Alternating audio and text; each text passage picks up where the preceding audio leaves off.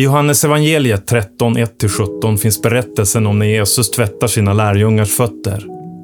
Ödmjukhet får ett ansikte, trovärdigt ledarskap gestaltas långt bortom modeller och teorier. Inkarnationen är teologens ord för trons mysterium att Gud i Jesus blir människa, att ordet blev kött, att han är här. Vad betyder det för oss idag? Och vad skulle hända i vardagsrummet om inkarnationen klev från trossats till bönegruppsträff? Hur hade det varit att ha det vi faktiskt redan har? Jesus mitt ibland oss.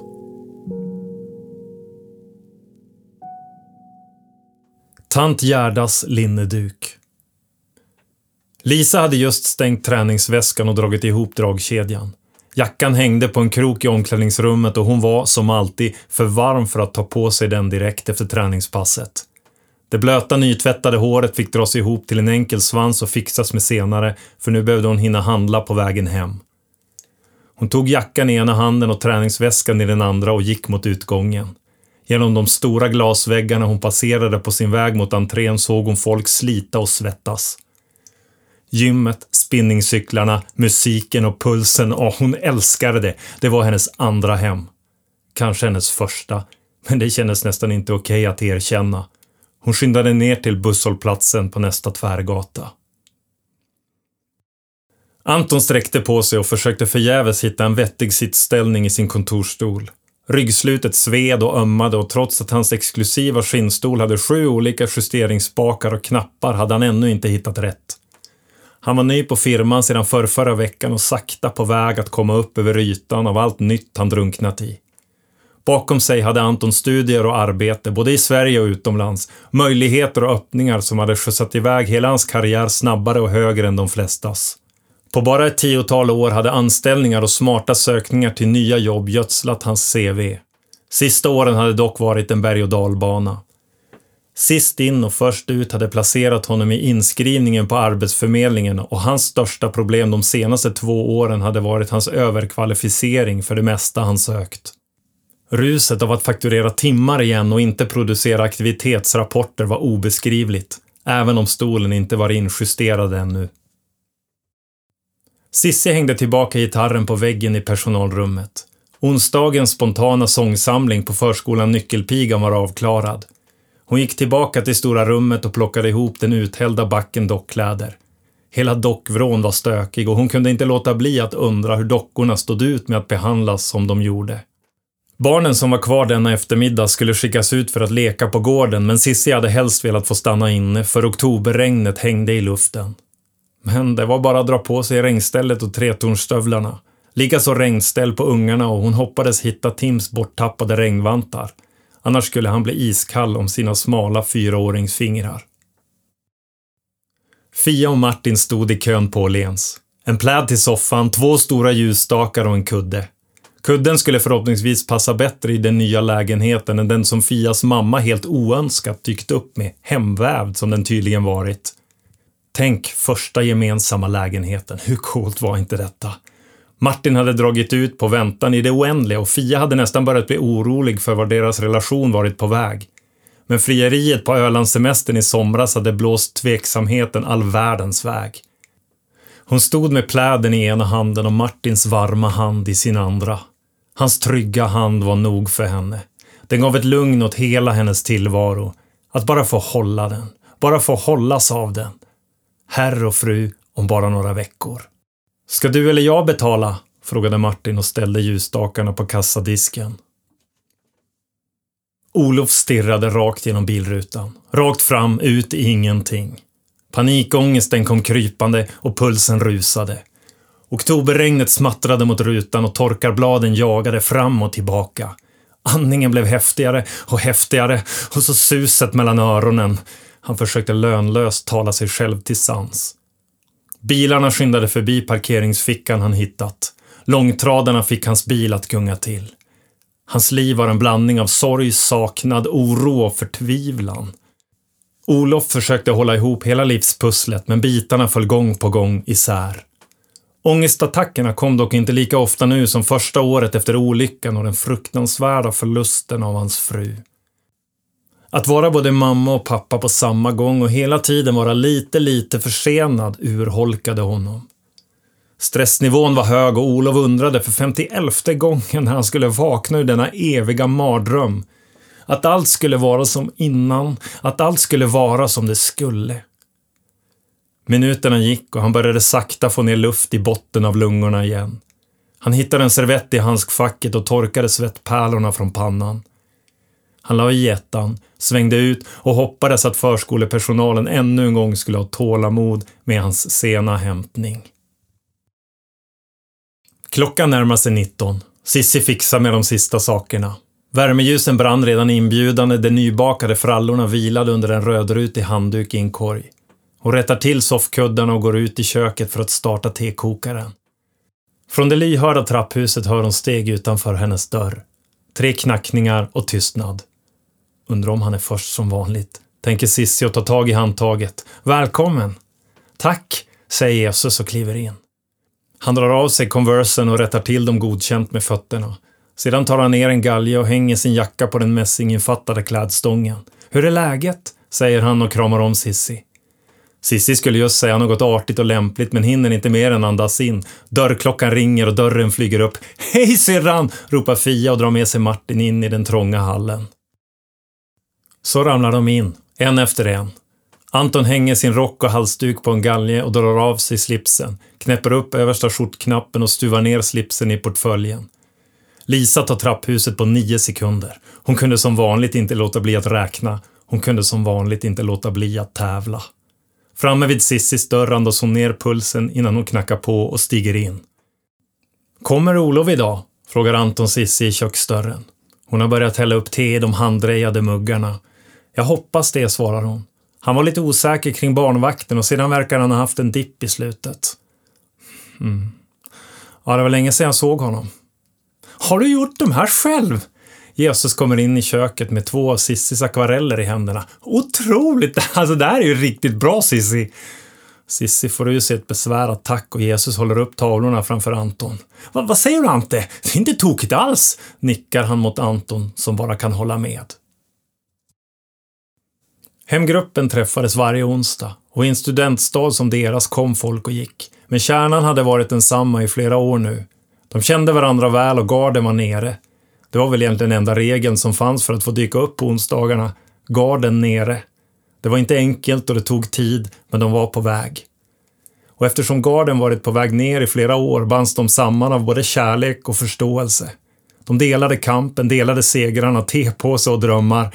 Fia och Martins stundande bröllop var vid det här laget så delat att både Anton och Lisa i ärlighetens namn kunde känna sig tillräckligt informerade om allt. Sissis stora lycka över att ha gått alfakurs med en kollega och fått leda henne till tro i våras, det var allas lycka. Lisas ojämna kamp mot tvångsmässigheten i träningen var inte uppe för samtal varje onsdag, men det hade blivit allas kamp på något underligt vis. Det var inte bara Lisas isolerade problematiska relation till kalorier. Hennes tillvaro var avlastande nog allas nöd och oro. En omsorgens oro och vacklande hade Lisa sakta börjat hitta en väg framåt. Lite friare, lite mer levande. Antons senaste månader av arbetslöshet, mitt i hans klanderfria och ambitiösa strävande för en plats på jorden, det hade varit långt mer än bara ett böneämne för gruppen. Det var livet de delade, inte bara önskelistan. Mitt i marmeladen eller herrgårdsosten kunde de både diskutera och ifrågasätta karriärism och girighet, men önska Anton allt han drömde om och levde för. De kunde ifrågasätta kroppsideal och ytlighet under en lång promenad med Lisa i spetsen. Att vara hemgrupp var både lätt och svårt. Men efter församlingslägret här om sommaren när de hade bestämt sig för att sänka garden lite till för varandra så hade något fördjupats. Svårast var det både för och med Olof. Inte att sänka garden, den var bortblåst sedan länge. För honom var det stora problemet att överhuvudtaget komma iväg till samlingarna. Det plingar till i Sissis mobil. Olof hoppar idag, lilltjejen hostar visst så mycket. Det blir tyst en stund. Lisa sträcker sig efter tekannan och Martin börjar bre allt för mjukt smör på en till fralla. Jag kan sakna Olof i vårt gäng, säger plötsligt Jesus och ställer ner sin kopp på bordet. Han lutar sig tillbaka i fåtöljen.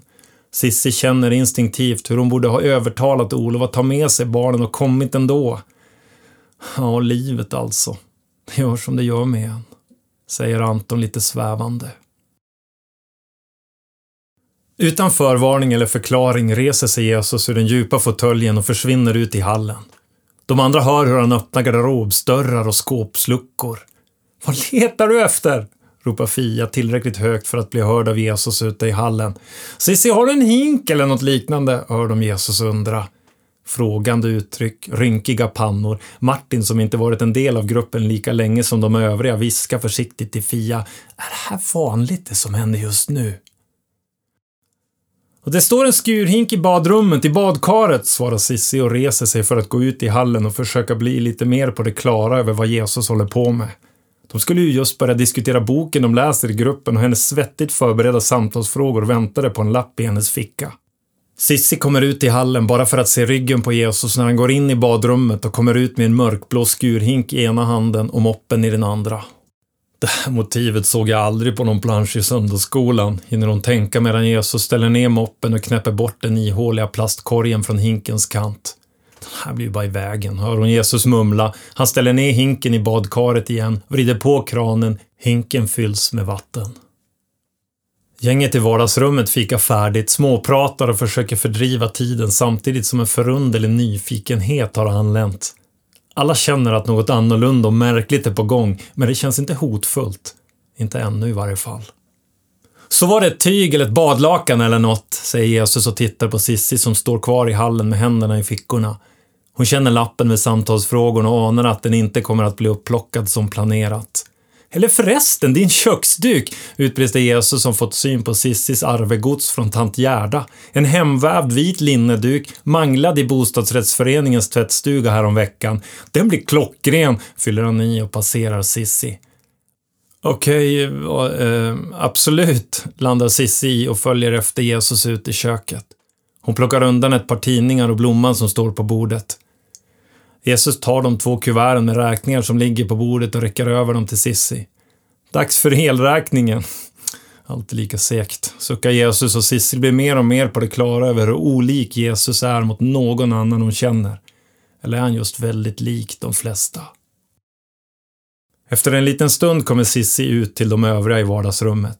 Fia har ännu en gång lyckats engagera övriga gruppen i något som rör det stundande bröllopet och denna gång är det färgen på blockljus som diskuteras. Anton hade inte trott att han skulle kunna uppbringa en åsikt i denna fråga, men när Martin avkräver honom ett svar hör han sig själv säga att vinröda blockljus är finare än lila. Sen undrar jag ifall vi ska ställa ljusen på vanliga assietter eller använda... Fia avbryter sig själv när Sissi sätter sig i sin fåtölj. I dörröppningen står Jesus med en hink i högerhanden och tant Gerdas vita linneduk knuten runt midjan. Lisa får lust att fråga ifall Jesus har bibelcharader på gång, men känner samtidigt att hur komiskt detta än må se ut, så är det något större på gång. Det är som om något bortom det vanliga väntar på att få invadera hemgruppen. Jesus är på väg att ännu en gång förvandla nuet till helig mark, att säga något bortom ord, att lära dem något om både sig själva och Gud. Martin, skulle du och Anton kunna lyfta bort rumsbordet och ställa det borta vid hyllan, säger Jesus och pekar med sin lediga hand mot bokhyllan på andra sidan rummet. Sissi försöker samla ihop smöret och osten och ett par muggar från bordet och Lisa tar tag i brödkorgen och tekannan. Snart är bordet bortlyft och alla är tillbaka på sina platser. Jag kommer att tvätta era fötter nu, säger Jesus och drar upp ärmarna på sin tröja. Så ni får ta över strumporna och vika upp byxbenen lite, fortsätter han och ställer ner hinken. Han tittar utforskande på de andra och lyckas blanda ett seriöst men ändå varmt inbjudande uttryck. Det här kommer bli grymt, ler han och flyttar hinken mot Lisa som sitter längst till vänster i soffan. Han småsnubblar över den långa bordsduken som hänger ner likt ett märkvärdigt förkläde från hans midja. De övriga i soffan och fåtöljerna känner sig lika besvärade som fascinerade över vad som händer. Det fanns ofta något förutsägbart med onsdagskvällarna, inte minst sedan de beslutat att läsa en bra bok och samtala om ett kort kapitel varje gång. Man visste vad som väntade, men så händer detta. Anton känner sig duktigt obekväm med att Jesus ska behöva ta i hans svettiga fötter. Inte minst eftersom hans nya skor, svindyra som de varit, ändå stänger in hans fötter under kontorstid. Det fanns något absurt i att dra av strumporna och låta Jesus tvätta hans fötter. Samtidigt kunde han nästan inte vänta på sin tur. Han kunde inte sätta ord på varför, men han visste han behövde detta. Snart sitter de där med nakna fötter och upprullade byxben. Rummets tystnad är rogivande och det komiska i situationen försvinner i samma stund som Lisa sänker ner sina fötter i den mörkblå hinken och Jesus tar upp dem i sina händer. Så mycket strävan dog i det ögonblicket. Så många lager av fasad krackelerade. Så mycket tävlan avslöjades. Jesus torkar hennes fötter med bordstuken och med ord som bara betyder något för Lisa säger han sanningen om vem hon djupast är.